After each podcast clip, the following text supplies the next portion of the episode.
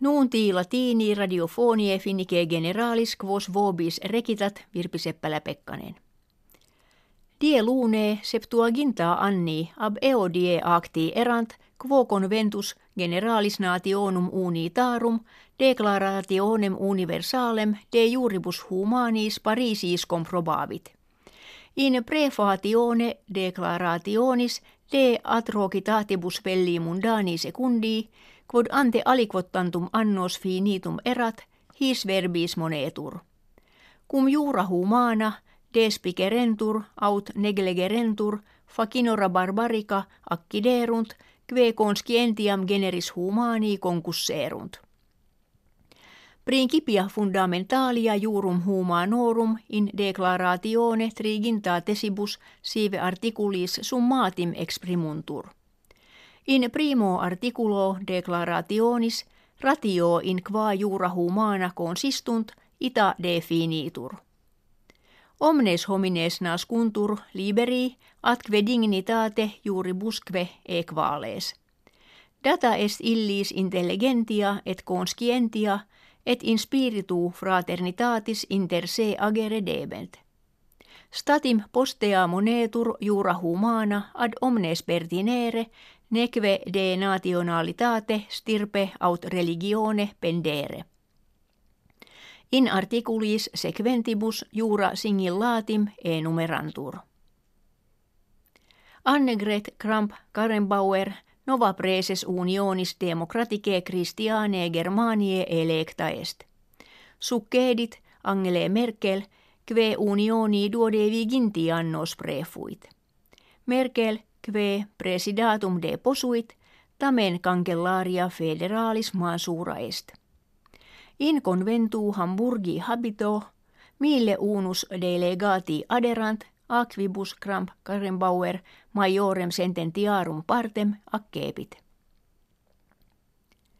Manifestationes tumultuose Parisis et in alis Frankie regionibus dies sabbati continuabantur. Auto rede cremabantur et fenestre tabernarum frangebantur. Damna Parisis majora erant quam ante septimanam. Bruno Le Maire minister ab erario publico violentiam tumultuantium economiae catastrophicam appellavit. Presertim mercatores cauponarii et gestores deversoriorum damna perunt.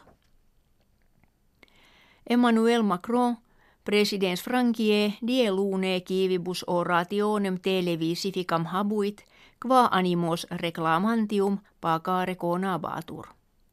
Stipendia minima a calendis januaris centum euronibus augere promisit et dixit augmentum vectigalium ante annuntiatum ad eos non pertinere quorum stipendium duo milia euronum non superaret. Confessus est se errores fecisse et responsalitatem de eis habere. Oratio presidentis publica fuit prima qua ad acerrimas reprehensiones respondere temptavit. Ante duodevi ginti menses Macron magna cum gratia populari presidens factus est sed nunc tantum quinta pars ex sexaginta septem kivium milionibus illi favet. Theresa May, prima ministra Britanniae decrevit ut suffragium quod die martis de exitu Britanniae in parlamento Britanniae fieri de bebat procrastinaretur.